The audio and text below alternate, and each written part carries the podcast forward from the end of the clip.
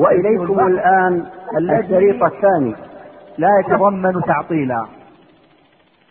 وفرق أيها الإخوة الفضلاء بين إثبات وتنزيه أهل السنة والجماعة وبين إثبات وتنزيه أهل البدعة والشناعة.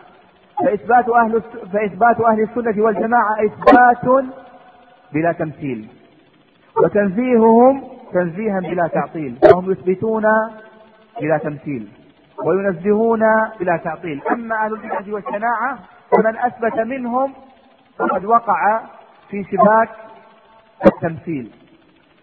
ومن نزه منهم وقع في شراك التعطيل. وأهل السنة والجماعة وثق في هذا الباب. فهم يثبتون بلا تمثيل وينزهون بلا تعطيل. قال ولا بد من تضمنه أي من تضمن هذا الاسم ثبوتا. وتشيرون إلى هذا الخطأ المطبعي ثبوتا. ولا بد من تضمنه ثبوتا إذ لا كمال في العدم المحض. أي أنك إذا نفيت نفيا ولم ترم بهذا النفي إثبات كمال ضده عاد نفيك إلى العدم. لذلك تجد الفرق بين تنزيه أهل السنة والجماعة وتنزيه أهل البدعة والشنع أهل السنة والجماعة إذا نفوا عن الرب تبارك وتعالى شيئا نفاه جل جلاله عن نفسه اثبتوا بهذا النفي كمال ضده. قال الرب تبارك وتعالى في سورة قاف ولقد خلقنا السماوات والأرض وما بينهما في ستة أيام وما مسنا من وما مسنا من لغوب. أي ما مسنا من تعب ولا نصب ولا إعياء. وهذا النفي يتضمن كمال قدرة الرب تبارك وتعالى. وقال الرب تبارك وتعالى في نفي الظلم عن نفسه ولا يظلم ربك أحدا. كما في سورة الكهف. ولا يظلم ربك أحدا. وهذا النفي يتضمن إثبات كمال ضده أي كمال عدله وكمال حكمه تبارك وتعالى. وقال الرب تبارك وتعالى لا تأخذه سنة ولا نوم. لا تأخذه سنة وهي مقدمة النوم من انطباق العينين وسقوط الشيء من اليدين فمن نفى عن نفسه السنة من باب أولى أن ينفي عن نفسه النوم. ومن نفى عن نفسه الموت الأصغر من باب أولى أن ينفي عن نفسه الموت الأكبر. وهذا النفي يتضمن كمال إثبات كمال حياة الرب تبارك وتعالى وكمال قيوميته. وضرب لك مثالا باسمين من أسماء الله الحسنى. قال كالقدوس والسلام. القدوس والسلام. والقدوس في أسماء الرب تبارك وتعالى هو المطهر. والمطهر من كل عيب ونقص وسوء.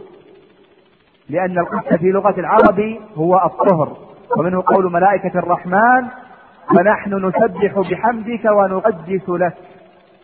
يعني نحن ننزهك وهو المراد بالتسبيح ونطهرك وهو المراد بالتقديس. ومنه سمي بيت المقدس. لأن من صلى فيه خرج من ذنوبه كيوم ولدته أمه كما جاء في بعض الأخبار والآثار. فهو بيت ومسجد يطهر زائره. فهذا الاسم القدوس يتضمن التنزيه المحض أي أن الرب تبارك وتعالى منزه عن كل عيب. وكل نقص وكل سوء ومبرأ ومبرأ سبحانه وتعالى من كل خلل وزلل وخطل. والسلام في أسماء الرب تبارك وتعالى والسلام في أسماء الرب تبارك وتعالى هو السالم هو السالم من كل نقص وعيب وسوء. وهذا الاسم اسم الجلالة السلام هو من أعم أسماء الله الحسنى من أعم أسماء الله الحسنى. حتى قال ابن قيم الجوزي رحمه الله تعالى في كتاب بدائع الفوائد إن هذا الاسم يدخل في كل صفة من صفات الرب تبارك وتعالى. وفي كل اسم من أسماء الرب تبارك وتعالى. فما من اسم إلا وهو سالم من كل ما يضاده. وما من وصف إلا وهو سالم من كل ما يناقضه. فهو من الأسماء العامة. وإذا أردت أن تعلم أثر هذا الاسم وتوسل النبي صلى الله عليه وسلم إلى الله تعالى إلى الله تبارك وتعالى بهذا الاسم. فتأمل في دعاء النبي صلى الله عليه وسلم ربه وتوسله بين يديه وإقبال وإقباله عليه بعد كل صلاة. كان يقول بعد أن يستغفر ربه ثلاثة يقول اللهم أنت السلام ومنك السلام. تباركت يا ذا الجلال والإكرام. فالنبي صلى الله عليه وسلم يستغفر ربه تبارك وتعالى يستغفره من كل ما وقع في صلاته. وصلاة من؟ صلاة أتقى الخليقة. وأخشى البرية. وأزكى البرية. عليه أفضل الصلاة وأزكى التحية. يستغفر ربه مما وقع في صلاته. ثم يعقب هذا الاستغفار بالتوسل إلى الله تعالى باسم الجلالة السلام أن يسلمه الرب تبارك وتعالى وأن يسلم صلاته من كل ما لحقها مما لا يليق بالرب تبارك وتعالى مما لا يليق بالعبد أن يناجي به ربه تبارك وتعالى مما لا يليق بالعبد أن يتصل بالله تعالى بهذه الصلاة في هذه الفريضة. فهو ينزه الرب تبارك وتعالى بهذا الاسم. اللهم أنت السلام. فهو من الأسماء الدالة والراجعة إلى التنزيه المحض. نعم. قال رحمه الله الخامس ولم يذكره أكثر الناس وهو الاسم الدال على جملة من أوصاف عديدة لا تختص بصفة معينة بل هو دال على معان لا على معنى مفرد نحو المجيد العظيم الصمد فإن المجيد من اتصف بصفات متعددة من صفات الكمال ولفظه يدل على هذا فإنه موضع للسعة والكثرة والزيادة. ومنه قولهم في كل شجر نار واستنجد المزق كل شجر نار. في كل شجر نار واستنجد المرف والعفار وأمجد الناقة علفا. ومنه الناقة. وأمجد الناقة علفا. ومنه ذو العرش المجيد. صفة للعرش لسعته وعظم وعظمه وشرفه. وعظمه. وعظمه وشرفه. وتأمل كيف جاء هذا الاسم مقترنا بطلب الصلاة من الله على رسوله كما علمنا صلى الله عليه وسلم لأنه في مقام طلب المزيد والتعرض لسعة العطاء وكثرته ودوامه فأتى في هذا المطلوب باسم يقتضيه. كما تقول اغفر لي وارحمني إنك أنت الغفور الرحيم. ولا يحسن إنك أنت السميع البصير. فهو راجع إلى المتوسل إليه بأسمائه وصفاته وهو من أقرب الوسائل وأحبها إليه. إلى المتوسل. وهو من أقرب بفتح السين. متوسل إليه. وهو أقرب من وهو أقرب المتوسل إليه وأحبها إليه. ومنه الحديث الذي في المسند والترمذي ألظ ألظ بياذا بياذا بياذ الجلال والإكرام. ومنه اللهم إني أسألك بأن لك الحمد. لا إله إلا أنت المنان بديع السماوات والأرض. يا ذا الجلال والإكرام. فهو سؤال له وتوسل إليه بحمده. وأنه الذي لا إله إلا هو المنان. فهو توسل إليه بأسمائه وصفاته. وما احق ذلك بالإجابة وأعظمه. وما احق ذلك بالإجابة وأعظمه. موقعا عند المسؤول. وهذا باب عظيم من أبواب التوحيد. أشرنا إليه إشارة وقد فتح وقد فتحه الله. ولنرجع إلى المقصود وهو صفته. وهو وصفه تعالى بالاسم المتضمن لصفات عديدة العظيم من اتصف بصفات كثيرة من صفات الكمال وكذلك الصمد. قال ابن عباس هو السيد الذي كمل في سؤدده. وقال ابن وائل هو السيد الذي انتهى سؤدده. وقال عكرمة الذي ليس فوقه أحد. وكذلك ليس فوقه. الذي ليس فوقه أحد. وكذلك قال الزجاج الذي ينتهي إليه السؤدد. فقد صمد له كل شيء. وقال ابن الأنباري لا خلاف بين أهل اللغة أن الصمد السيد الذي ليس فوقه أحد الذي يصمد إليه الناس. أن الصمد السيد الذي ليس فوقه. أن الصمد السيد السيد الذي ليس فوقه أحد. فوقه بفتح الفاء. الذي ليس فوقه أحد الذي يصمد إليه الناس في حوائجهم وأمورهم. واستقاقه يدل على هذا فإنه من الجمع والقصد فهو الذي اجتمع القصد نحوه واجتمعت فيه صفات السؤدد وهذا أصله في اللغة كما قال ألا ألا بكر الناعي بخير ألا بكر الناعي ألا بكر, ألا بكر الناعي بخير بني أسد بعمر بني ير... بعمري بعمر بني يربوع وبالسيد الصمد والعرب تسمي أشرافها بالصمد لاجتماع قصد القاصدين إليه واجتماع صفات السيادة فيه. أحسنت الله ثم ذكر رحمه الله تعالى القسم الخامسة وهو القسم قبل الأخير.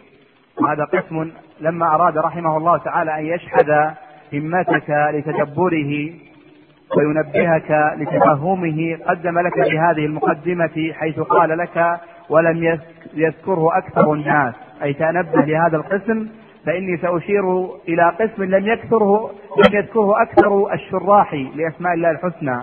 وما أولوا عليه وما أشاروا إليه. ما هذا القسم الذي شحذ هممنا لتفهمه وتدبره والإحاطة به علما؟ قال وهو الاسم الدال على جملة أوصاف عديدة لا تختص بصفة معينة بل هو دال على معان لا على معنى المفرد. يقول أن يأتي الاسم من أسماء الله الحسنى هو في حقيقته وفي ظاهر تركيبه وفي أصل مبناه هو من الأسماء المفردة. هو من الأسماء المفردة. ولكنه في حقيقة معناه يدل على عدة معان.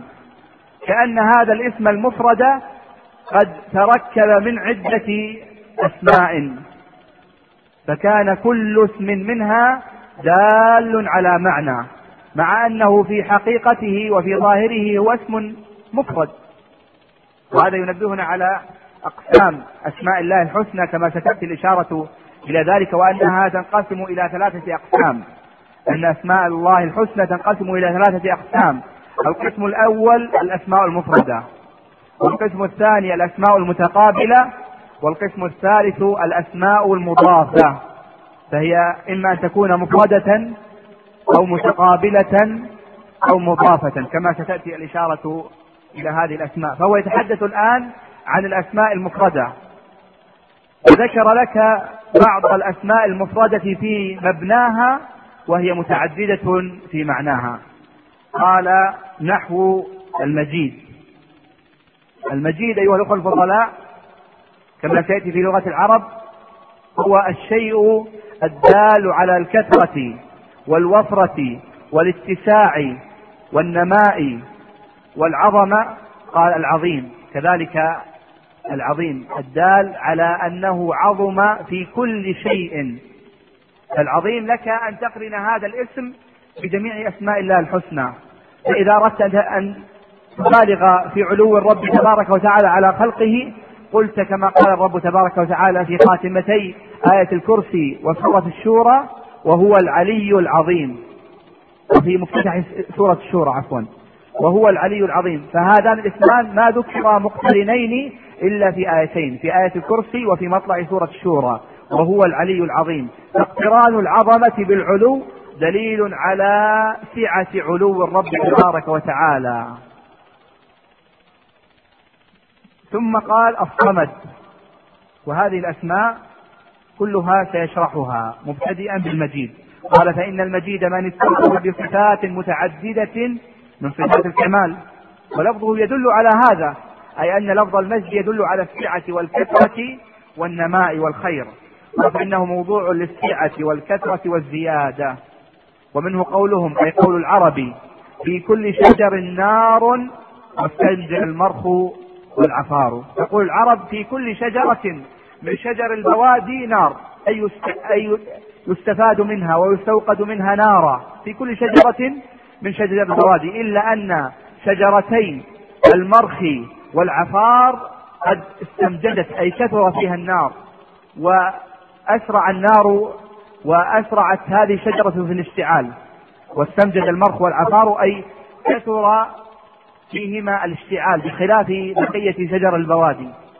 لما أرادت العرب أن تبين أن النار يكثر اشتعالها ويسرع في هاتين الشجرتين وهما المرخ والعفار قالت هذا اللفظ واستمجد المرخ والعفار. قال وأمجد الناقة علفا أي أن الراعي أكثر من علف الناقة حتى أضر بها. وحتى تسبب في تلفها وهلاكها وأمجد الناقة علفا أي أن الراعي أكثر وبالغ وتوسع في علفها قال ومنه ذو العرش المجيد. هذه الضمة تكسرونها حتى يستقيم هذا تستقيم هذه القراءة مع المعنى المراد. ومنه ذو العرش المجيد بخفض المجيد. وهي قراءة حمزة الكسائي وأبي علي وهي قراءة حمزة حمزة الزيات وأبي علي الكسائي وخلف العاشر. وهم من علماء الكوفة وقرائها قرأوا بخفض المجيد ذو العرش المجيد. فيكون المجيد صفة لأي شيء؟ يكون المجيد صفة للعرش. لأن هذا العرش الذي استوى عليه الرحمن ما وصفه؟ وصفه أنه مجيد. أي عرش واسع وعظيم وشريف. وعلى قراءة القراء العشرة بقية العشرة وهم نافع وابن كثير وابن عامر وأبو عم وأبي عمرو وأبو عمرو وعاصم ويعقوب. وعاشرهم يكون الوصف المراد هو المجيد ذو العرش المجيد. وهو أبو جعفر المدني أبو جعفر ويعقوب البصري. قرأوا ذو العرش المجيد. أي أن المجيد وصف لمن؟ وصف للرب تبارك وتعالى. وصف للرحمن الذي استوى على العرش. فهي على قراءة الجمهور المجد وصف للرحمن الذي استوى على العرش. وعلى قراءة الثلاثة الزيات حمزة والكسائي أبي علي وخلف العاشر وصف للعرش الذي استوى عليه الرحمن. الرحمن مجيد وعرشه الذي استوى عليه مجيد. ثم قال وتأمل كيف جاء هذا الاسم مقترنا بالطلب بطلب الصلاة من الله على رسوله صلى الله عليه وسلم كما علمناه النبي صلى الله عليه وسلم لما نزل قول ربي تبارك وتعالى في سورة الأحزاب إن الله وملائكته يصلون على النبي. يا أيها الذين آمنوا صلوا عليه وسلموا تسليما. قالوا يا رسول الله قد علمنا كيف نسلم عليك فكيف نصلي عليك؟ قال قولوا اللهم صل على محمد وعلى آل محمد كما صليت على إبراهيم وعلى آل إبراهيم. إنك حميد مجيد. اللهم بارك على محمد وعلى آل محمد كما باركت على إبراهيم وعلى آل إبراهيم في العالمين إنك حميد مجيد. لماذا انتخب النبي صلى الله عليه وسلم من أسماء الله الحسنى هذين الاسمين دون ما سواهما وقرنهما بالصلاة عليه عليه أفضل الصلاة وأزكى السلام قال أهل العلم ذكر اسم الجلالة الحميد حتى يبالغ الرب تبارك وتعالى في حمده. وذكره وحسن الثناء عليه ورفع ذكره وقد تحقق له عليه الصلاة والسلام ذلك. فلا يذكر الرب تبارك وتعالى إلا ذكر معه نبيه صلى الله عليه وسلم. وهذا معنى قول الرب تبارك وتعالى ورفعنا لك ذكرك فإذا تشهد المتشهد وأراد الدخول في الإسلام قال أشهد أن لا إله إلا الله وأشهد أن محمدا رسول الله. وإذا أراد المؤذن أن يؤذن أو يقيم قال أشهد أن لا إله إلا الله وأشهد أن محمدا رسول الله. وإذا ذكرت الطاعة قال الرب تبارك وتعالى يا أيها الذين آمنوا أطيعوا الله وأطيعوا الرسول. وأولي الأمر منكم أعاد فعل الطاعة في حق الرسول صلى الله عليه وسلم ولم يكتفي ولم يكتفي بالفعل. مع أن الواو تقتضي تقتضي أن يشرك النبي صلى الله عليه وسلم في الطاعة. كما كان الحق في ولاة الأمر فإنهم أشركوا مع النبي صلى الله عليه وسلم في الطاعة. ولكن لما أراد الرب تبارك وتعالى أن يبين أن طاعة النبي صلى الله عليه وسلم واجبة وإن لم يرد الأمر من الرب تبارك وتعالى أعاد الفعل. قال وأطيعوا الرسول. أي أطيعوا الرسول صلى الله عليه وسلم وإن لم يرد الأمر أو النهي في كتاب الله تبارك وتعالى. أما ولاة الأمر فإنهم لا يطاعون إلا بالمعروف ولا يعصون ويعصون إذا تضمن أمرهم معصية الخالق تبارك وتعالى. ثم لما أراد النبي صلى الله عليه وسلم أن يكون حمد الله تبارك وتعالى على نبيه صلى الله عليه وسلم وحسن الثناء عليه كثيرا وواسعا وشريفا قرن اسم الجلالة الحميد وعقبه باسم الجلالة المجيد قال إنك حميد مجيد. أي أسألك يا ربنا أن يكون حمدك لي وحسن ثنائك علي في الملأ الأعلى مجيدا أي كثيرا وواسعا وشريفا. قال لأنه في مقام طلب المزيد والتعرض لسعة العطاء وكثرة دوامه. لذلك لما كان هذ كانت هذه الصلاة مباركة ومجيدة وواسعة وعظيمة كان الجزاء من جنس العمل. قال النبي صلى الله عليه وسلم من صلى علي صلاة صلى الله عليه بها عشرا. لما بلغت في سؤال الرب تبارك وتعالى أن يصلي على النبي صلى الله عليه وسلم وقرنت صلاتك باسمي الجلالة الحميد المجيد فتوسلت إلى الله تعالى باسمي الجلالة الحميد المجيد أن يصلي على نبيه صلى الله عليه وسلم كان الجزاء من جنس العمل. صلى الله عليك بكل صلاة تصليها على النبي صلى الله عليه وسلم عشر صلوات. قال فأتى في هذا المطلوب باسم يقتضيه. وهذا باب واسع. سيأتي الحديث عنه. وهو سؤال الرب تبارك وتعالى والتوسل إليه بالأسماء التي تناسب المقام. قال كما تقول اغفر لي. وارحمني إنك أنت الغفور الرحيم. إنك أنت الغفور الرحيم. ولا يحسن إنك أنت السميع البصير. مع أن السميع والبصير من أسماء الرب تبارك وتعالى. ولكن من حسن سؤال العبد لربه تبارك وتعالى أن ينتخذ من أسمائه الحسنى ما يناسب دعاءه. ما يناسب دعاءه. وهذا هو هدي النبي صلى الله عليه وسلم. الذي علمه لأصحابه وتأمل في حديث الصديق والصديقة. جاء أبو بكر إلى النبي صلى الله عليه وسلم الحديث في السنن قال يا رسول الله علمني دعاء أدعو به في صلاتي وفي بيتي. دعاء أدعو الله عز وجل به في صلاتي وفي بيتي. فقال له النبي صلى الله عليه وسلم يا أبا بكر قل اللهم إني ظلمت نفسي ظلما كثيرا. وإنه لا يغفر الذنوب إلا أنت. فاغفر لي مغفرة من عندك وتب علي إنك أنت التواب الرحيم. فذكر الأسماء وهي اسم الجلالة الغفور اسم الجلالة التواب واسم الجلالة الرحيم. وذكر المعنى المعنى فإنه لا يغفر الذنوب إلا أنت. وذكر الدعوة فاغفر لي مغفرة من عندك. وذكر الاسم وذكر المعنى وذكر الدعوة. ونظير هذه الدعوات ما علمه النبي صلى الله عليه وسلم لابنته الصديقة فهذا الدعاء الأول علمه الصديق وهذا الدعاء الثاني علمه لابنته الصديقة. كما جاء في الصحيحين من حديث أم عبد الله عائشة رضي الله عنها قالت يا رسول الله أرأيت إن علمت أي ليلة هي ليلة القدر ما أقول فيها؟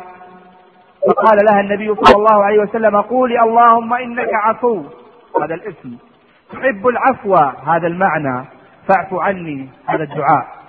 اللهم إنك عفو تحب العفو فاعف عني. فجمع بين الاسم وفهم معناه والتوسل إلى الله تعالى بمبناه وسيأتي مزيد تقرير لهذه القاعدة في كلام الامام ابن قيم الجوزي رحمه الله تعالى. قال فهو راجع إلى المتوسل إليه بأسمائه وصفاته وهو الله تبارك وتعالى. وهو من أقرب الوسائل وأحبها إليه. بل هو لب القرآن وسر الشريعة وحياة القلوب وانشراح الصدور إنما هو بهذا الباب. باب معرفة أسماء الله الحسنى والتعبد للرب بمعناها ومبناها. لذلك يقول الرب تبارك وتعالى ولله الأسماء الحسنى فادعوه بها.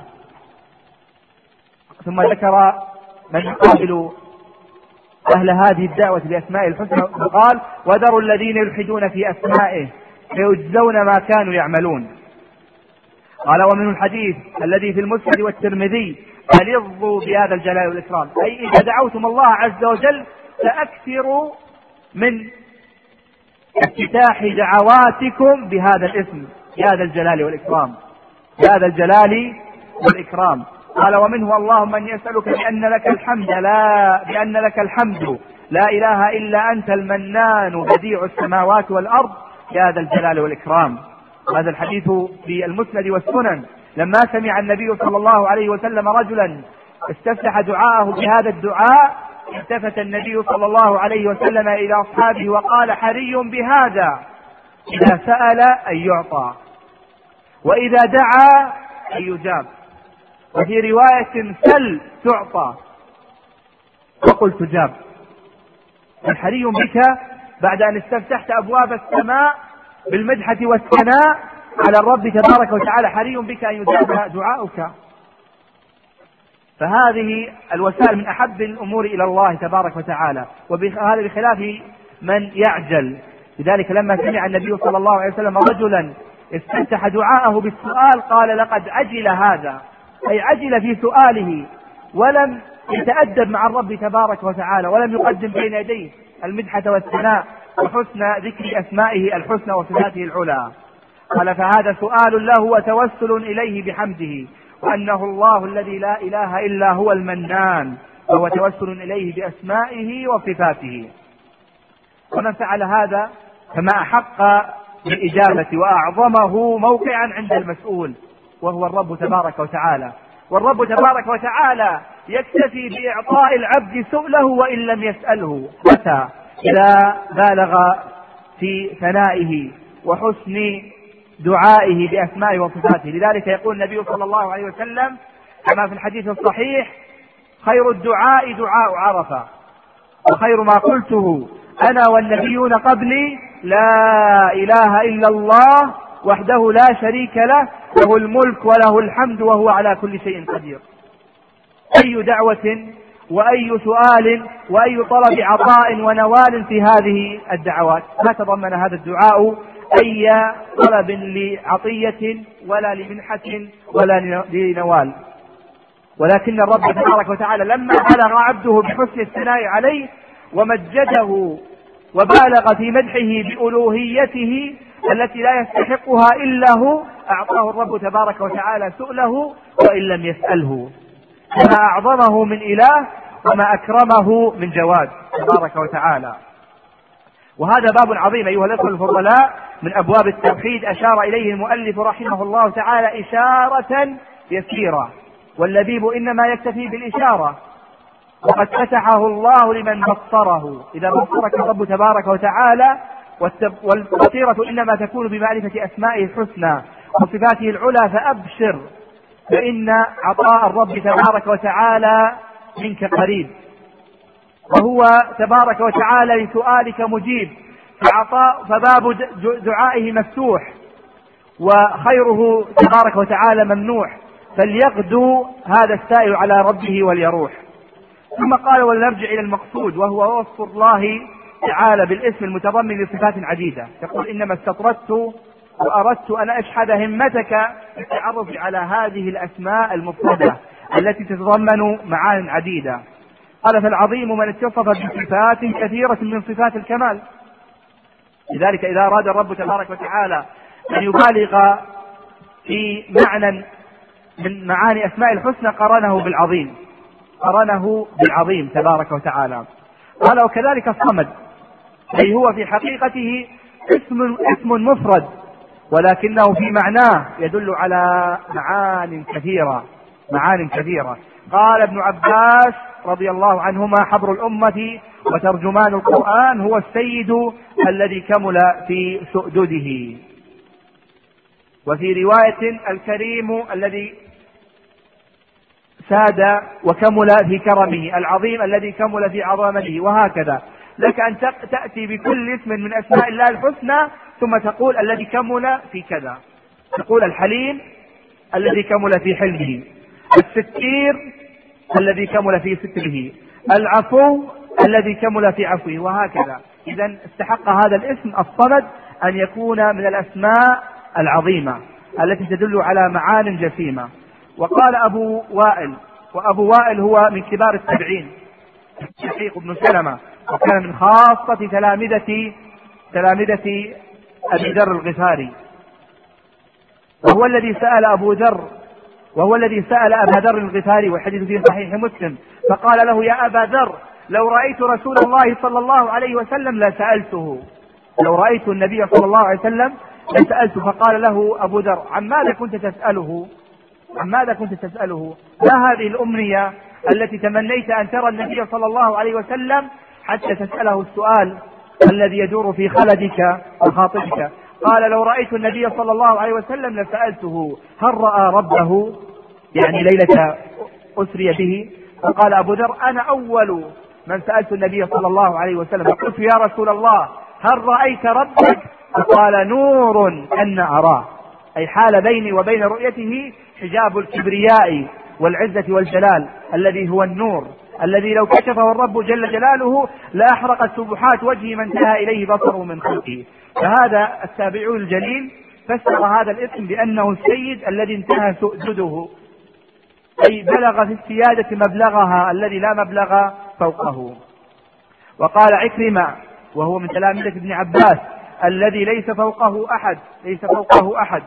وكذلك قال الزجاج وهو من علماء اللغة يجرنا إلى جواب سؤال الأخ الكريم الذي سأل وقال لماذا أكثر علماء اللغة قد وقعوا في التحريف في باب توحيد الأسماء والصفات والألوهية؟ يأتي الجواب بإذن الله تعالى. قال الزجاج وهو من كبار علماء اللغة وله كتابه المشهور والمطبوع في خمسة مجلدات وهو كتاب معاني القرآن وإعرابه. قال الذي ينتهي إليه السؤدد فقد صمد له كل شيء.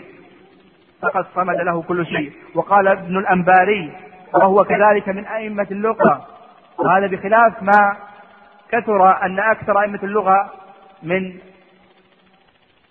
ممن خالف أهل السنة والجماعة. إذا وقفنا على هذه الآثار عرفنا من هم الذي من هم الذين وقعوا في مخالفة أهل السنة والجماعة وانتحلوا نحلة البدعة والشفاعة هم المتأخرون من أئمة اللغة. أما المتقدمون الذين ذكر لك أسماءهم وأنبأك بأقوالهم هم على جادة أهل السنة والجماعة. ويكفيك الكتاب الكبير والسفر العظيم الذي لا ينبغي لمكتبة طالب علم أن تخلو منه. تهذيب اللغة تهذيب اللغة. هذا الكتاب العظيم لأحمد بن منصور الأزهري رحمه الله تعالى من كبار أئمة اللغة. طبع في ستة عشرة مجلد. وهذا الكتاب العظيم. انظر شرحه لأسماء الله الحسنى. وانظر لإثباته لصفات الله العلى. حتى إن بعض من وفقهم الرب تبارك وتعالى ممن شرفنا بمجاملتهم إبدانا دراستنا في قسم العقيدة في الجامعة الإسلامية بالمدينة المنورة قد سمع نصح شيخنا الجليل أبي عبد الله عبد الرزاق بن عبد المحسن عباد البدر ألف عقيد رسالة في عقيدة الأزهري من واقع كتابه تهذيب اللغة. وهي رسالة جليلة القدر أوصت لجنة المناقشة بطباعتها. انظر إلى هذه الرسالة وما فيها من إثبات أهل اللغة. والأزهري إنما هو من أعيان القرن الرابع. وعمن ينقل؟ إنما ينقل عن أئمة اللغة. فإذا وقفت على هذا الكتاب علمت أن أكثر أئمة اللغة من المتقدمين هم من الموافقين لمذهب أهل السنة والجماعة. أما من جاء بعدهم بعد اعتزال المعتزلة وتجهم الجهمية ورفض الرافضة وإرجاء المرجئة فهم ممن انحرف عن سواء السبيل وضل عن هذا الباب. فهم ضلوا في القرآن الكريم وفي سنة النبي صلى الله عليه وسلم. فأي غرابة وأي عجب إذا ضلوا في لغة العرب؟ ضلوا في القرآن الكريم الذي هو شرف هذه الأمة وإنه لذكر لك ولقومك وسوف تسألون. فإذا كانوا قد ضلوا وحرموا الوصول لحسن الاعتقاد في الكتاب والسنة فمن باب أولى أن يضلوا في عقي... في لغة العرب. قال وقال ابن الأنباري لا خلاف بين أهل اللغة أن الصمد السيد أن الصمد السيد الذي ليس فوقه أحد الذي يصمد, إليه الناس في حوائجهم وأمورهم. قال واشتقاقه يدل على هذا اشتقاق اسم الجلالة الصمد يدل على أنه الذي كمل في كل شيء. قال فإنه من الجمع والقصد. أي من الجمع والقصد. ما المراد بالجمع والقصد؟ من الجمع أي الذي جمع أوصف الكمال. والقصد أي الذي يقصده أهل الحوائج. قال فهو الذي اجتمع القصد نحوه. أي ما من قاصد إلا يقصد هذا الصمد. قال واجتمعت فيه صفات السؤدد أي الكمال. قال وهذا أصله في اللغة كما قال ألا ذكر الناعي بخير بني أسد بعمر بن يربوع وبالسيد الصمد.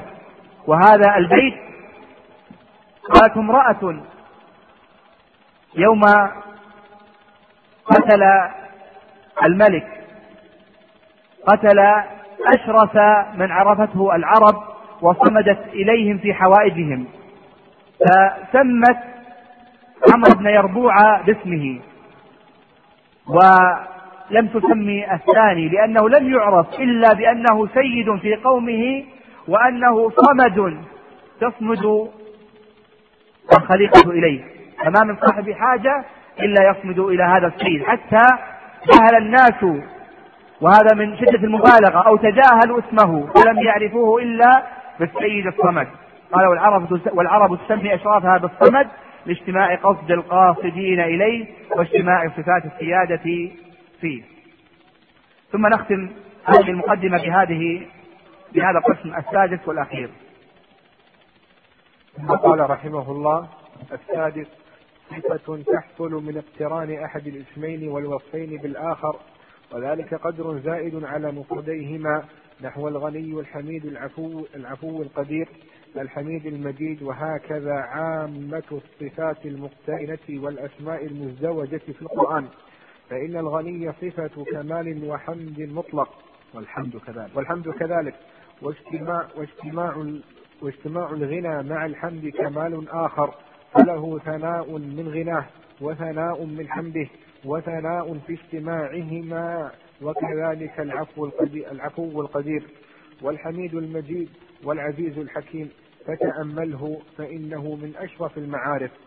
وأما صفات السلب فلا تدخل في أوصافه تعالى إلا أن تكون متضمنة لثبوت كالأحد المتضمن لانفراده بالربوبية والإلهية والسلام المتضمن لبراءته من كل نقص يضاد كماله. يضاد كماله. يضاد كماله. كماله. يضاد كماله. وكذلك الأخبار عنه بالسلوب بكسر الهمزة الإخبار وكذلك الإخبار عنه وكذلك الإخبار عنه بالسلوب إنما هو لتضمنها ثبوتا كقوله تعالى لا تأخذه سنة ولا نوم فإنه متضمن لكمال حياته وقيوميته. وكذلك قوله تعالى وما مسنا من لغوب متضمن لكمال قدرته. وكذلك قوله وما يعزب عن ربك من مثقال ذرة متضمن لكمال علمه. وكذلك قوله لم يلد ولم يولد متضمن لكمال صمديته وغناه. وكذلك قوله ولم يكن له كفوا أحد متضمن لتفرده بكماله وأنه لا نظير له. وكذلك قوله تعالى لا تدركه الأبصار متضمن لعظمته وأنه جل عن أن يد جل عن أن يدرك بحيث يحاط به. وهذا مضطرد في كل ما وصف به لكل ما وصف لكل ما به لكل ما وصف به نفسه من السلوك. نعم. ويجب أن يعلم أحسنت حسبك. وهذه وهذا القسم هو خاتمة هذه المقدمات الست والممهدات التي جعلها كالمرآة بين يدي هذه القواعد العشرين التي سنشرع بإذن الله تعالى في تذاكرها وتأملها من كلامه رحمه الله تعالى في مجالس الغد وما يتلوه من أيام. قال السادس أي القسم السادس مما يجري صفة وخبرا على الرب تبارك وتعالى صفة تحصل من اقتران أحد الاسمين والوصفين بالآخر وذلك قدر زائد على مفرديهما. وذكر لك معاني ذلك. يا أيها الناس أنتم الفقراء إلى الله والله هو الغني الحميد. فالرب جل جلاله لما أراد أن يذكر لعباده غناه عنهم فلو اجتمع من في الأرض من أولهم وآخرهم وإنسهم وجنهم وكانوا على أتقى قلب رجل واحد ما زاد ذلك في ملك الله شيئا. ولو اجتمع أولهم وآخرهم وإنسهم وجنهم فكانوا على أفجر قلب رجل واحد منهم ما نقص ذلك من ملك الله شيئا. فهو الغني وهو مع غناه حميد وهو مع غناه حميد وهو مع غناه عن الخلق يحمد من استحق منهم الحمد. ويثني عليه بالملأ الأعلى عنده.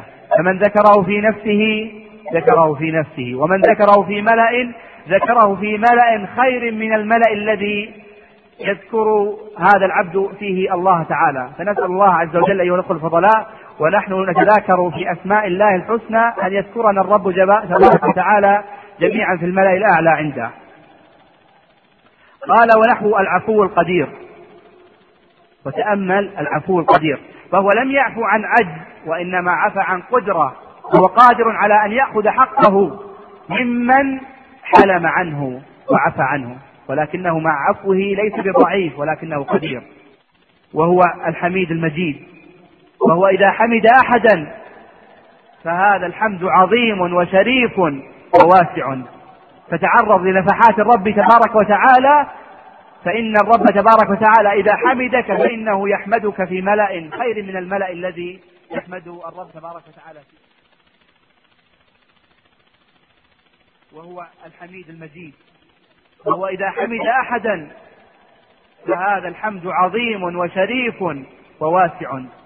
فتعرض لنفحات الرب تبارك وتعالى فإن الرب تبارك وتعالى إذا حمدك فإنه يحمدك في ملأ خير من الملأ الذي يحمد الرب تبارك وتعالى فيه. وهكذا أيها الأخوة الفضلاء عامة صفات الرب تبارك وتعالى المقترنة. اقتران الوصفين أكمل وأجمل وأنبل من مجيء الوصف مفردا. لأن الغني كما سبقت الإشارة ذكر لك أنه صفة كمال. والحمد كذلك ولكن هذان الحمدان إذا اقترنا فإن ذلك يدل على المبالغة يدل على المبالغة في الحمد والثناء وحسن المدحة على الرب تبارك وتعالى. وكذلك العفو إذا اقترن بالقدير والحميد إذا اقترن بالمجيد والعزيز إذا اقترن بالحكيم. لذلك لما قرأ الأصمعي قرأ قول الرب تبارك وتعالى والسارق والسارقة فاقطعوا أيديهما جزاء بما كسبا نكالا من الله والله غفور رحيم. قرأها والله غفور رحيم. مر به أعرابي وقال ما هذا بكلام الله؟ ما هذا بكلام الله؟ فقال له الأصمعي تكذب بكلام الله؟ فقال لا. ولكنه لو كان غفورا رحيما لاستطاع أن يقطع يد سارق. فعاد الأصمعي إلى قراءته فتبين له وجه تبين له وجه الآية. والسارق والسارقة فاقطعوا أيديهما جزاء بما كسبوا نكالا من الله. والله عزيز حكيم. وقال الأعرابي بخ بخ عز فحكم فاقتدر فقطع. أي لا يناسب أن يذكر في مقام السرقة والعقوبة وإقامة الحد أن يذكر اسم الغفران والرحمة. بل يناسب أن يذكر اسم العزة والحكمة. وتأمل في دعوتي نبي الله إبراهيم وعيسى. وانظر إلى الفرق بينهما. ماذا دعا إبراهيم؟ رب إنهن أضللن كثيرا من الناس. رب إنهن أضللن كثيرا من الناس. فمن تبع فمن فمن تبعني فإنه مني ومن عصاني فإنك هذا ختم الآية. قال غفور رحيم. لأن المقام مقام طلب وعفو من الرب تبارك وتعالى لعبيده الذين أذنبوا وهم في دار التكليف أن يغفر لهم ويرحمهم.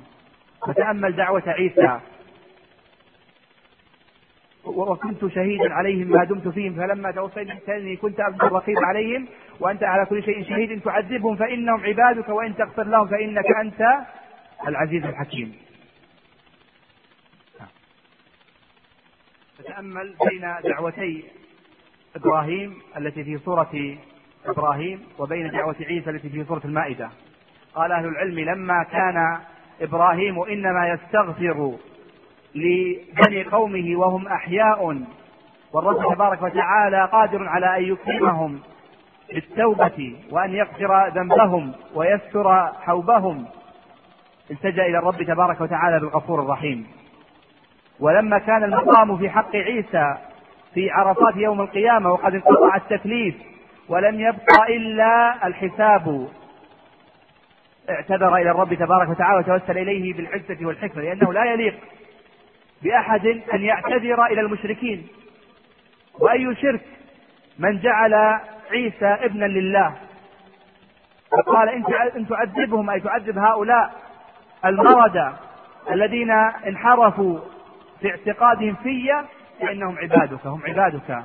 والشأن شأنك والملك ملكك والقدرة قدرتك والعزة عزتك والحكم حكمك. وإن تغفر لهم فإنك أنت العزيز الحكيم. هذا يدل على عزة وعلى حكمة. وأنك ما غفرت لهم عن ضعف ولا غفرت لهم عن رقة وإنما غفرت لهم مع عزتك وحكمتك. ثم قال ما ذكره في قسم هذه هذا القسم بما ذكره في القسم الرابع. قال واما صفات السلب المحض فلا تدخل في أوصافه إلا أن تكون متضمنة لثبوت. فإذا أردت أن تنفي عن الرب تبارك وتعالى شيئا لابد أن يتضمن هذا النفي ثبوتا. كالأحد يتضمن الانفراد بالربوبية وأنه بخلاف عندما تصف احدا من المخلوقين فتقول فلان وحيد. هذا وصف نقص لأنه لا صاحب له. ولا زوجة له ولا ولد له فهذا وصف في حق المخلوق وصف كمال في حق الخالق تبارك وتعالى. فهو إنما انفرد بالأحدية لانفراده بالربوبية والألوهية. والسلام كذلك فهو سالم ومبرأ من كل نقص يضاد كمالا. وكذلك الإخبار عنه بالسلوب أي إذا سلبت عن الرب تبارك وتعالى وصفا تنوي بهذا السلب أن تثبت كمال ضده. قال إنما هو لتضمنها وتصحح هذا الخطأ المطبعي. إنما هو تضمنها ثبوتا كقوله لا تأخذه سنة ولا نوم. لما أراد أن يثبت كمال حياته وقيوميته قال الحي القيوم لا تأخذه سنة ولا نوم. وهو يتضمن كمال الحياة والقيومية ولما أراد أن يثبت كمال يثبت كمال قدرته وأنه خلق السماوات والأرض وما بينهما مع قدرته وعزته قال وما مسنا من لغوب. فهو قادر. بخلاف ما ادعته اليهود قبحهم الله بقولهم إن الله ابتدأ خلق السماوات والأرض في يوم الأحد وختم الخلق في يوم الجمعة ثم استراح في يوم السبت. فنحن نتخذ يوم السبت عيدا لنا. قبح الله أقوالهم. قال وكذلك قوله وما يعزم عن ربك من مثقال ذرة. يتضمن كمال العلم وأن علمه لم يسبق بجهل ولا يلحقه نسيان. وقوله لم يلد ولم يولد لكمال فمديته وغناه. بخلاف المخلوق لو قيل لفلان إن فلانا لا يولد له لعد ذلك نقص بحقه. أما الرب تبارك وتعالى فهو لكمال غناه وصمديته ليس بحاجة إلى ولد ولا للصاحبه وكذلك قوله ولم يكن له كفوا أحد يتضمن أنه لا نظير له ولا سمي له ولا مثيل له. فنفى عن نفسه المثلية ليس كمثله شيء. ونفى عن نفسه السمي هل تعلم له سميا ونفى عن نفسه الكفر ولم يكن له كفوا أحد. وقوله لا تدركه الأبصار يتضمن عظمته. وهذا وهذه الآية من أدل الدلائل على رؤية الرب تبارك وتعالى وأن المؤمنين يرونه في عرصات يوم القيامة. بخلاف ما ذهبت إليه المعتزلة من أنها دليل لهم على عدم الرؤية. وقال أهل السنة والجماعة فرق بين الإدراك وفرق بين الرؤية فإن الشمس نراها والقمر نراه ولا ندركه ولا نحيط به علما. فعدم الإدراك لا ينفي الرؤية. ولما تلاقى الجمعان كما في سورة الشعراء فلما تراءى الجمعان جمع فرعون وقومه وجمع موسى وقومه. قال أصحاب موسى إنا لمدركون. أي أن هذه الرؤيا توشك أن يلحقوا أن يلحقوننا فيدركوننا. فقال موسى كلا إن معي ربي سيهدين. فرؤيتهم لنا لا يلزم منها أن يدركونا. قال وهذا مضطرد في كل ما وصف به نفسه من السلوك. أسأل الله عز وجل أن ينقل فضلاء لي ولكم العلم النافع والعمل الصالح. هذا سائل كريم يقول بعد تفضله بالدعاء يقول هل هناك شرح واف لهذه الرسالة؟ فائدة جليلة. آه، وما الذي تنصحنا أن نراجعه من الحضور إلى الدرس لنستوعب هذه القواعد؟ هذه القاعدة ليس لها شرح. وقد وفقني الرب تبارك وتعالى لشرحها من كلام ابن قيم الجوزية. ووضعت شرحا لهذه القاعدة من كلام ابن قيم الجوزية. ولم أدخل في الشرح غير كلامه. فهو يشرح هذه القاعدة من كلامه وذلك في الباب الثاني من من باب من الأبواب الثلاثة في الرسالة التي وفق الله لطبعها جهود الإمام ابن قيم الجوزية في تقرير توحيد الأسماء والصفات الباب الثاني من الأبواب الثلاثة هو شرح لهذه القاعدة من كلام الإمام ابن قيم الجوزية رحمه الله تعالى ومن أراد أن يراجع هذا الباب فإنه بإذن الله تعالى يستفيد من كلام ابن قيم الجوزية رحمه الله تعالى وليس فيه سوى الجمع. الحمد لله رب العالمين. الرحمن الرحيم مالك يوم الدين. وأشهد أن لا إله إلا الله وحده لا شريك له الملك الحق المبين. وأشهد أن نبينا محمدا عبد الله ورسوله خاتم النبيين وإمام المرسلين. صلى الله وسلم عليه وعلى آله وأزواجه وأصحابه ومن تبعهم بإحسان إلى يوم الدين. أما بعد أيها الأخوة الفضلاء فهذا شروع من الإمام ابن قيم الجوزية رحمه الله تعالى في بيان قواعد الأسماء والصفات قواعد أسماء الله الحسنى وصفاته العلى. وقد قدم المؤلف رحمه الله تعالى بمقدمة تضمنت ذكر ستة أقسام ينبغي على طالب العلم أن يحيط بها علما وفهما وتدبرا. وهذا شروع منه رحمه الله تعالى في بيان ما يجب أن يعلم في هذا الباب حتى يعصم المسلم نفسه من الوقوع في الإلحاد الذي وقعت فيه طوائف شتى من هذه الأمة. وقال رحمه الله تعالى ويجب أن يعلم هنا أمور وقدم بلفظ الوجوب ليدل على أن هذا الباب باب واجب تعلمه وأنه ليس بفضلة وأن العبد مخير في تعلمه أو تركه. بل يجب على كل مسلم يرجو الله والدار الآخرة أن يعلم أحكام هذا الباب أن يعلم أحكام هذا الباب حتى يسلم من الإلحاد. وقال أحدها أن ما يدخل في باب الاخبار عنه تعالى أوسع مما يدخل في باب أسمائه وصفاته كالشيء والموجود والقائم والقائم بنفسه فإنه يخبر به عنه فإنه يخبر به عنه ولا يدخل في أسمائه الحسنى وصفاته العليا. تبين رحمه الله تعالى لك أن أقسام هذا الباب يعني باب توحيد أسماء الله تعالى وصفاته على ثلاثة أقسام. وان أعلى هذه الأقسام وأخصها هو باب أسماء الله الحسنى. ثم يلي هذا الباب باب صفات الله العلى. وهو أعم من باب أسماء الله الحسنى وأخص من باب الإخبار عن الله تبارك وتعالى. ثم يأتي بعد ذلك باب الإخبار. وهو أعم من البابين قبله. باب الأسماء الحسنى وباب الصفات العلى. فذكر لك رحمه الله تعالى أن باب الإخبار أعم هذه الأبواب. وأنه يجوز العبد أن يخبر عن الرب تبارك وتعالى بأي خبر شريطة أن لا يتضمن هذا الخبر قدحا في أسماء الرب تبارك وتعالى ولا قدحا في أوصافه ولا قدحا في أفعاله. فأسماؤه حسنى وصفاته علا وأفعاله محكمة.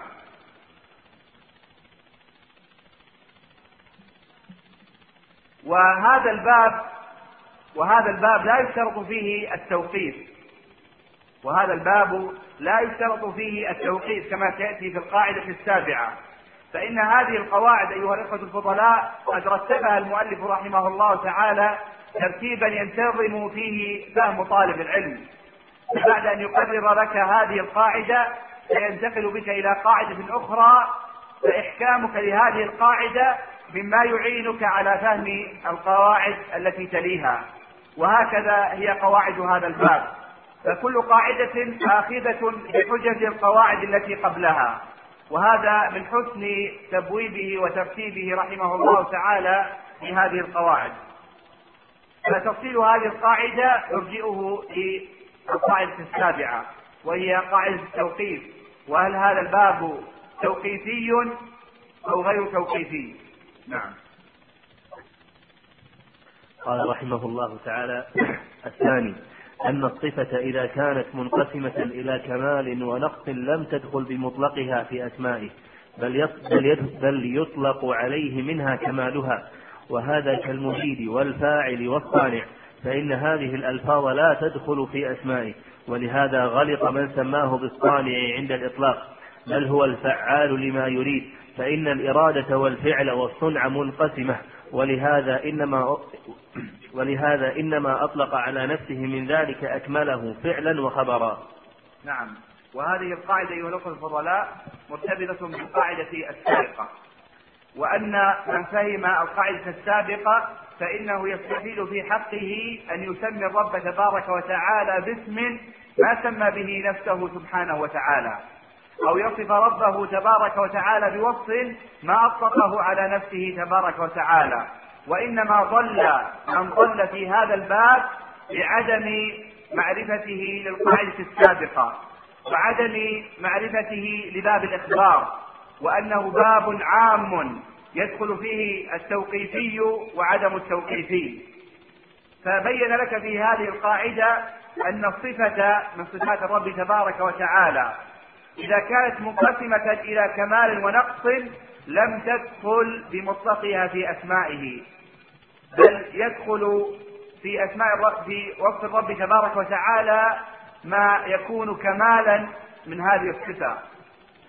فمن ذلك وصف المكر وصف المكر.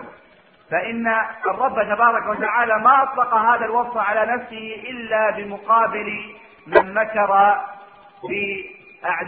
بمن مكر من أنبياء بمن مكر بأنبيائه وأوليائه.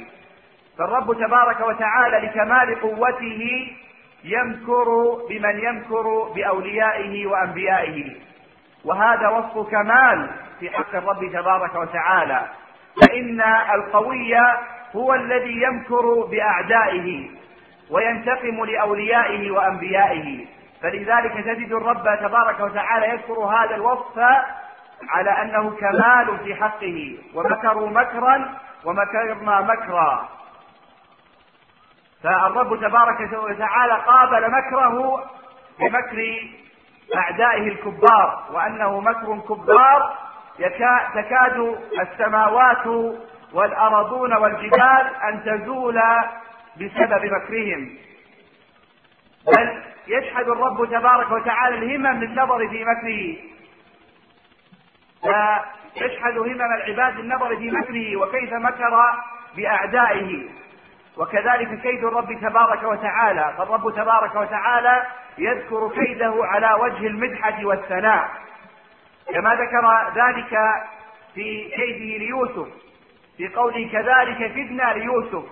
فالرب تبارك وتعالى كاد ليوسف كيدا عظيما. ويوسف عليه الصلاة والسلام قد كيد بأنواع من الكيد فكيد أولا من قبل إخوته فكادوا به كيدا وكيد عليه الصلاة والسلام من قبل امرأة العزيز وكيد عليه الصلاة والسلام من قبل النسوة وكيد عليه الصلاة والسلام من قبل الملك الذي أسند إليه.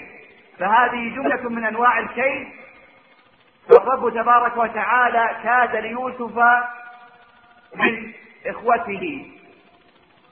وذلك بما أراه في الرؤيا المنام التي وقعت كفلق الصبح حين سجد أبواه وإخوته له وكان ذلك مصداقا لما رآه عليه الصلاة والسلام.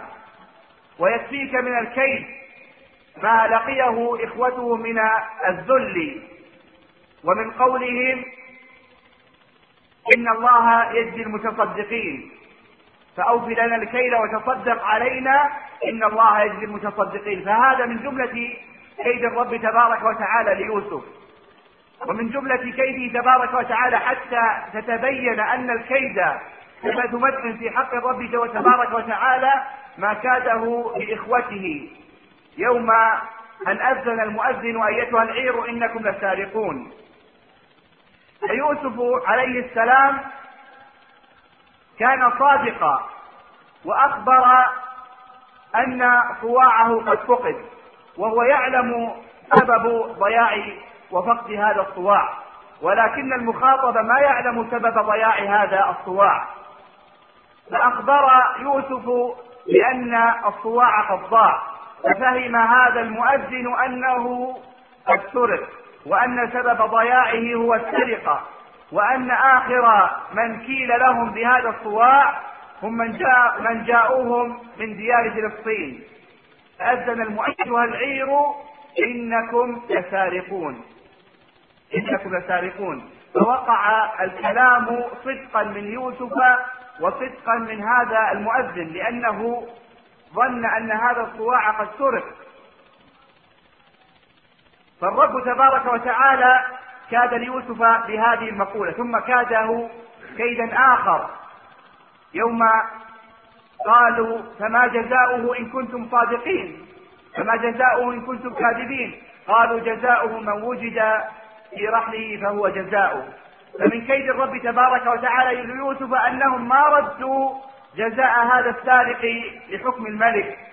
وكان حكمه أنه يقيم في رزقه حتى يستطيع أن يرد هذا الصواع بل ردوا بل ردوا هذا الحكم لدين لدينهم الذي هم عليه وهو دين سماوي. أوحاه الله تعالى إلى إلى أبيهم ونبيه يعقوب. قالوا جزاؤه من وجد في رحله فهو جزاؤه أن يكون عبدا. بدل عفوا بدل أن كان يسجن في سجن الملك يكون عبدا لهذا الرجل الذي سرق منه. فانظر إلى هذا الكيد العظيم أيها الأخ الكريم. كيف كاد الرب تبارك وتعالى ليوسف وهذا يبين لك أن هذه الصفة وصف مدح في حق الرب تبارك وتعالى هي والمكر هي والاستهزاء كلها أوصاف مدح في حق الرب تبارك وتعالى. وأن الرب تبارك وتعالى اتصافه بهذه الأوصاف هو عن عزة وحكمة وقوة بخلاف من يتصف بها ابتداء فإنه يتصف بها عن جهة نقص وعن جهة كذب وعن جهة مكر. بخلاف الرب تبارك وتعالى فإنه يكيد من كاده ويمكر بمن مكر بأوليائه وأنبيائه ويستهزئ بمن استهزأ بدينه. وهذا يبين لك هذه القاعدة العظيمة وأن الصفة إذا كانت منقسمة إلى كمال ونقص لم تدخل بمطلقها في أوصاف الرب تبارك وتعالى بل يدخل في أوصاف الرب تبارك وتعالى ما كان منها على جهة الكمال وما كان منها عن جهة النقص فالرب تبارك وتعالى منزه عن الاتصاف بها. وضرب لك مثالا بالإرادة الرب تبارك وتعالى ما سمى نفسه بالمريد وإنما سمى نفسه بفعال. فقال فعال لما يريد كما في سورة البروج. ففرق بين من يفعل وفرق بين من يفعل ما أراده. ربما فعل الإنسان أمرا لا يريده ويكون ذلك على جهة الجبر والقهر والسلطان بخلاف من يفعل الأفعال وهو يريدها. والفعل الفعل لا يدخل بمطلقه في أسماء الرب تبارك وتعالى بل يطلق, يطلق عليه من الأفعال ما هو مقترن بالإرادة. وإرادة الرب تبارك وتعالى هي الإرادة المحكمة. لذلك يقيد فعله بالإرادة فيقول فعال لما يريد. والصانع لا يدخل في أسماء الرب تبارك وتعالى وإنما يخبر عن الرب تبارك وتعالى بالصنع. يخبر عن الرب تبارك وتعالى بالصنع. كما أخبر تبارك وتعالى عن نفسه في سورة النمل فقال صنع الله الذي أتقن كل شيء. فصنع الرب تبارك وتعالى متقن بخلاف صنع المخلوقين فإنه يدخل فيه الزلل والخلل والخطل. أما صنع الرب تبارك وتعالى فلو نظرت في هذه السماوات ما وجدت فيها من تفاوت لأنها صنع الله الذي أتقن كل شيء. قال بل هو الفعال لما يريد فإن الإرادة والفعل والصنع منقسمة أي تنقسم إلى صنع وفعل وإرادة ممدوحة وتنقسم إلى صنع وإرادة وفعل مقدوح. فللرب تبارك وتعالى منه منها صفة المدح وللمخلوق ما سوى ذلك. ففعل المخلوق تارة يكون مدحا وتارة يكون قدحا. قال ولهذا إنما أطلق على نفسه من ذلك أكمله فعلا وخبرا. فإذا أخبر عن فعله قال فعال لما يريد. وإذا أخبر عن نفسه قال صنع الله الذي أتقن كل شيء. وهذه القاعدة مرتبطة بالقاعدة السابقة وأن باب الإخبار أوسع من باب الأسماء. فللرب تبارك وتعالى من الأسماء ما سمى به نفسه وله من الصفات ما وصف به نفسه. وأما الإخبار فلك أن تخبر عن الرب تبارك وتعالى بموجب القاعدة الثانية. ما هي القاعدة الثانية؟ أن تخبر عن الرب تبارك وتعالى بما يتضمن مدحا وكمالا ولا تخبر عن الرب تبارك وتعالى بما يتضمن قدحا ونقصا. قال رحمه الله تعالى الثالث أنه لا يلزم من الإخبار عنه بالفعل مقيدا أن يشتق له منه اسم مطلق. كما غلط فيه بعض المتأخرين فجعل من أسمائه الحسنى المضل الفاتن الماكر تعالى الله عن قوله فإن هذه الأسماء لم يطلق عليه سبحانه منها إلا إلا أفعال مخصوصة معينة فلا يجوز أن يتم بأسمائها المطلقة والله أعلم.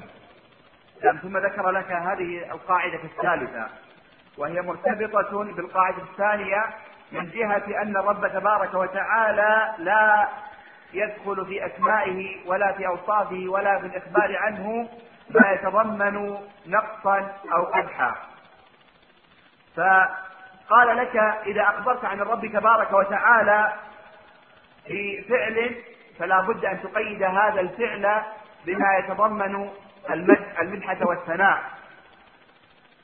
فإذا أخبرت عن الرب تبارك وتعالى بفعل الإضلال فتخبر عنه كما أخبر الرب تبارك وتعالى عن نفسه في قوله وما أرسلنا من رسول إلا بلسان قومه ليبين لهم فيضل الله من يشاء ويهدي من يشاء. فهذا هو فعل الإضلال يد يقيد بمشيئة الرب تبارك وتعالى. والرب تبارك وتعالى هو الذي يشاء ويختار ومشيئته واختياره تقع على جهة المدح وتقع على جهة الكمال ولا قدح في مشيئة الرب تبارك وتعالى ولا نقص. وهكذا إذا أخبرت عن الرب تبارك وتعالى بالإضلال فإن الرب تبارك وتعالى يضل من يشاء كما أنه يهدي من يشاء. وكذلك الرب تبارك وتعالى تقع فتنته على من يستحقها كما قال تبارك وتعالى ومن يرد الله فتنته فلن تملك له من الله شيئا. من هؤلاء؟ قال أولئك الذين لم يرد الله أن يطهر قلوبهم. لأنهم نسوا الله عز وجل فنسيهم. لأنهم أضاعوا قلوبهم ووضعوها في غير الموضع الذي اختاره الرب تبارك وتعالى. فاستحقوا الفتنة. وإلا فالرب تبارك وتعالى ما ظلمهم. وكان عادلا في حقهم لأنه هداهم النجدين. وأوضح لهم سبيلي الخير والشر. إنا هديناه السبيل. إما شاكرا وإما كفورا وهديناه النجدين أي طريقي الخير والشر. فالرب تبارك وتعالى يقيد فعله ويخبر عنه بنظير ما أخبر الرب تبارك وتعالى عن نفسه. فتقيد هذه الأفعال بمشيئة الرب الكبير المتعال. قال فإن هذه الأسماء لم يطلق عليه سبحانه منها إلا أفعال مخصوصة فأطلقت على أنها من أفعال الله. وأفعال الرب تبارك وتعالى محكمة كما سيأتي في القاعدة التاسعة وأن الرب تبارك وتعالى أفعاله فعاله عن كماله. لذلك لا يسأل عن ما يفعل كما قال تبارك وتعالى في سورة الأنبياء لا يسأل عما يفعل وهم يسألون. وهو تبارك وتعالى لا يسأل عن فعله لكبريائه وجبروته وعزته فلا يستطيع أحد أن يعترض عن فعله. بل الرب تبارك وتعالى لا يسأل عن أفعاله لأنها أفعال محكمة. أفعال محكمة صدرت عن حكمة وعزة وعلم. ألا له الخلق والأمر؟ تبارك الله رب العالمين. نتنبه لهذه القاعدة. فبعد أن نبهك على القاعدة الأولى وهي أن باب الإخبار أوسع من باب الأسماء والصفات وأنك لا تخبر إلا بما يتضمن مدحا أو كمالا نبهك في هذه القاعدة الثالثة أنك لا يجوز لك أن تشتق مما أخبر الرب تبارك وتعالى به عن نفسه وخبره الصدق وقول الحق. فتشتق من هذا الخبر إثما فتسمي الرب تبارك وتعالى به. ويخبر الرب تبارك وتعالى عن وصفه بأنه يكيد بمن كاد بأوليائه وأنبيائه كذلك كدنا ليوسف فتقول من أسماء الرب تبارك وتعالى الكائد ومكروا مكرا ومكرنا مكرا فتقول من أسماء الرب تبارك وتعالى الماكر. وتقول الله يستهزئ بهم فتقول من أسمائه المستهزئ. كل ذلك من عدم إحاطتك علما بقواعد هذا الباب وأن هذه مما أخبر الرب تبارك وتعالى عن نفسه. وأخبر عما يتضمنه هذا الإخبار من الكمال والمجد فأنت تقتصر على هذا الإخبار وعما أخبر الرب تبارك وتعالى عن أفعاله ولا تتجاوز هذا الباب إلى باب الأسماء لأنه أخص من باب الإخبار. نعم. قال رحمه الله تعالى الرابع أن أسماء هي أعلام وأوصاف والوصف بها لا ينافي العلمية بخلاف أوصاف العباد. فإنها تنافي علميتهم لأن أوصافهم مشتركة فنا لأن أوصافهم مشتركة فنافتها العلمية المختصة بخلاف أوصافه تعالى. نعم وهذه قاعدة جليلة من قواعد هذا الباب. يترتب عليها جملة من القواعد التي سيذكرها رحمه الله تعالى في ثنايا في ثنايا هذه الفائدة. فأخبرك رحمه الله تعالى أن أسماء الرب تبارك وتعالى تفارق أسماء العباد. من جهة أن أسماء الخالق أعلام وأوصاف أي هي أعلام وهذه الأعلام تتضمن الأوصاف بخلاف أسماء المخلوقين. فإنها أعلام ولا يلزم من هذه العلمية أن ترى منها الوصفية فالرب تبارك وتعالى من أسمائه العليم. وهذا اسم وهذا الاسم علم على الذات المقدسة للرب تبارك وتعالى. وهذا العلم يشتق منه الوصف وهو علم الله السابق. علمه الذي لم يسبق بجهل ولا يلحقه النسيان. ومن أسماء الرب تبارك وتعالى التي هي أعلام وأوصاف اسم الجلالة الحي. الرب تبارك وتعالى من أسمائه الحي. وهذا الاسم علم على الذات المقدسة للرب تبارك وتعالى. وهي حياة وهذه الحياة يشتق منها الوصف. حياته لم يتقدمها عدم ولا يلحقها فناء تطابقت العلمية الوصفية ودلت الوصفية على العلمية. وإذا جئنا إلى أسماء المخلوقين وجدنا أن المخلوق يوصف بأنه عالم. كما قال الرب تبارك وتعالى وفوق كل ذي علم عليم. فالمخلوق يوصف بأنه عالم.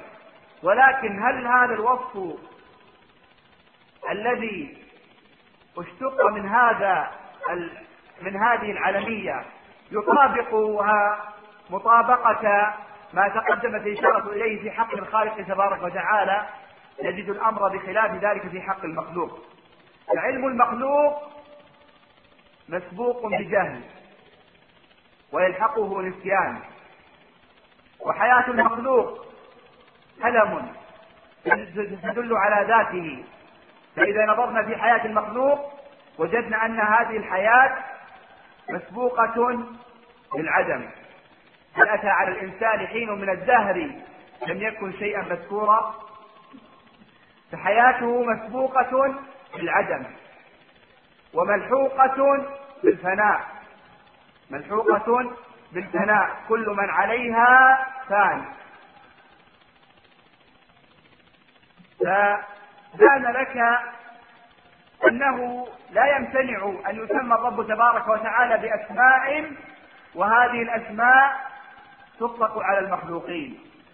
لأنه فرق واسع وبون شاسع بين أسماء الرب تبارك وتعالى التي تتطابق فيها العلمية مع الوصفية بخلاف أسماء المخلوقين. فإن الوصفية لا تطابق العلمية على كل حال. وإن طابقتها فإنها تطابقها بوجه من الوجوه ولا تطابقها على جهة الكمال. فكم ممن هو مسمى بعادل وهو من أفضل خلق الله تبارك وتعالى. وكم من ممن هو مسمى بمحسن وهو من أشد الناس إساءة لمن حوله. فأسماء المخلوقين لا تطابق فيها الوصفية العلمية. وهذه الأوصاف مشتركة بين الخالق بين الخالق والمخلوق. ولكن شتان ما بين اتصاف الرب تبارك وتعالى بهذه الأوصاف التي دلت عليها هذه الأعلام وبين اتصاف هذا المخلوق. وستأتي قاعدة توضح هذه القاعدة. وهي الأسماء المشتركة بين الخالق والمخلوق وأن الناس انقسموا في تفسير هذه الأسماء المشتركة إلى ثلاثة أقسام كما سيأتي ذلك في القاعدة الثالثة عشرة. قال رحمه الله تعالى الخامس أن الاسم من أسمائه له دلالات دلالة على الذات والصفة بالمطابقة. ودلالة على أحدهما بالتضمن ودلالة على الصفة الأخرى باللزوم. نعم. بين لك رحمه الله تعالى بعد أن قرر لك الفرق بين أسماء الخالق وأسماء المخلوق وأن أسماء المخلوق تطابق فيها العلمية الوصفية قال لك من أمارات هذه المطابقة ومن علامات هذه الموافقة أن الاسم من أسماء الله الحسنى له دلالات. له دلالات. فالاسم من أسماء الرب تبارك وتعالى يدل على الذات المقدسة ويدل على الصفة العلية بالمطابقة. والمطابقة أيها الإخوة الفضلاء هي دلالة اللفظ على كامل ما يتضمنه من معنى. دلالة اللفظ على كامل ما يتضمنه من معنى. اسم الجلالة العليم يدل على أن الرب تبارك وتعالى وسع كل شيء رحمة وعلما. وأن علم الرب تبارك وتعالى لا يعزب عنه مثقال ذرة في الأرض ولا في السماء ولا أصغر من ذلك ولا أكبر. بل كل ما علمه الرب تبارك وتعالى من علمه الأزلي هو مسطر ومزبور في اللوح المحفوظ. فهذا من دلالة من دلالة الاسم على الذات والصفة بالمطابقة. أي دلالة اسم دلالة العليم على أن الرب تبارك وتعالى له من هذا الاسم كامل معناه. ثم قال دلالة على أحدهما بالتضمن. دلالة على أحدهما بالتضمن وهو يدل الاسم على معنى خارج المعنى الذي تضمنه بالمطابقة. وسيأتي المثال على ذلك. ودلالة على الصفة الأخرى باللزوم أي أن هذا الاسم يدل على أمر خارج عن المعنى الذي تضمنه هذا الاسم بالمطابقة أو على الذي تضمن بعض معناه بالتضمن وإنما يدل على أمر هو خارج عن ما دل عليه هذا الاسم. نذكر على ذلك اسما من أسماء الرب تبارك وتعالى وهو اسم الجلالة القيوم. اسم الجلالة القيوم في أسماء الرب تبارك وتعالى هو القائم بنفسه تبارك وتعالى والذي لا قيام لأحد من خلقه إلا بأن يقيمه الرب تبارك وتعالى. لذلك كان اعتراف العبد بهذا المعنى هو كنز الجنة. كما قال النبي صلى الله عليه وسلم لأبي موسى الأشعري رضي الله عنه والحديث في مسند أحمد يا عبد الله ابن قيس قل لا حول ولا قوة إلا بالله. فإنها كنز من كنوز الجنة. فإنها كنز من كنوز الجنة. فاعتراف العبد وإقراره بأنه لا حول له ولا قوة إلا بأن يقيمه الرب تبارك وتعالى ويقويه وأن يغير حاله من حال إلى حال. هذا هو حقيقة اعتراف العبد باسم الجلالة القيومية. كما قال الرب تبارك وتعالى أفمن هو قائم على كل نفس بما كسبت؟ الرب تبارك وتعالى قام بنفسه وقيام الخليقة هو بأن يقيمهم الرب تبارك وتعالى. فلا قيام لأحد من الخليقة إلا بأن يقيمه الرب تبارك وتعالى. لذلك كان من هدي النبي صلى الله عليه وسلم إذا سمع العبد المؤذن يدعوه إلى الصلاة فيقول حي على الصلاة حي على الفلاح أن يقول العبد لا حول ولا قوة إلا بالله. فهذا من اعتراف العبد بقيومية الرب تبارك وتعالى. هذا الاسم من اسماء الرب تبارك وتعالى يدل على الذات المقدسة. يدل على الذات المقدسة. وما معنى دلالة هذا الاسم على الذات المقدسة؟ معنى دلالة هذا الاسم على الذات المقدسة هو أن هذه الذات لا تنام ولا ينبغي لها أن تنام لأن قيام الخليقة هو بحياة هذه الذات وكمال قيوميتها. لذلك كانت سيدة آية القرآن الكريم هي آية الكرسي. لماذا؟ لأنها لأنها تضمنت الإقرار بهذا المعنى. الله لا إله إلا هو. فهذه أولى جمل هذه الآية العشر. فهذه الآية تضمنت عشر جمل. كل جملة منها مؤكدة لما قبلها.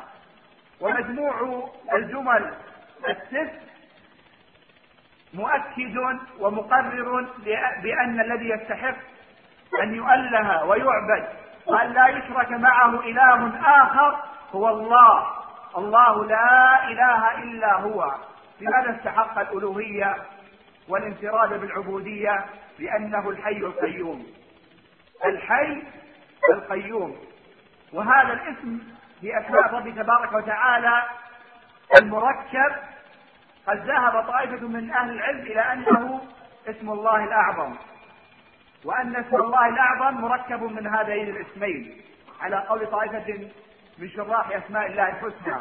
لذلك كان النبي صلى الله عليه وسلم كما في حديث أنس كان إذا حزبه أمر قال يا حي يا قيوم برحمتك أستغيث أصلح لي شأني كله ولا تكلني إلى نفسي طرفة عين.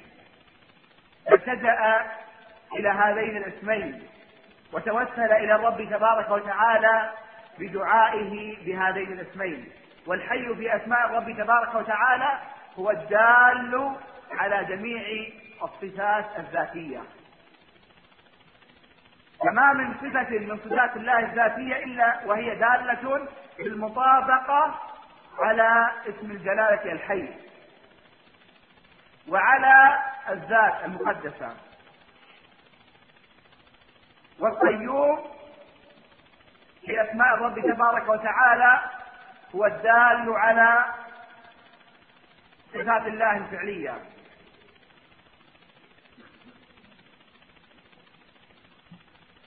فما من صفة من صفات الله الفعلية التي يفعلها متى شاء وكيف يشاء وبما شاء إلا وهي دالة على اسم الجلالة القيوم. فدلالة اسم الجلالة القيوم يدل على لم تكتمل مادة هذا الشريط بعد لذا نرجو متابعتها في الشريط الذي بعده.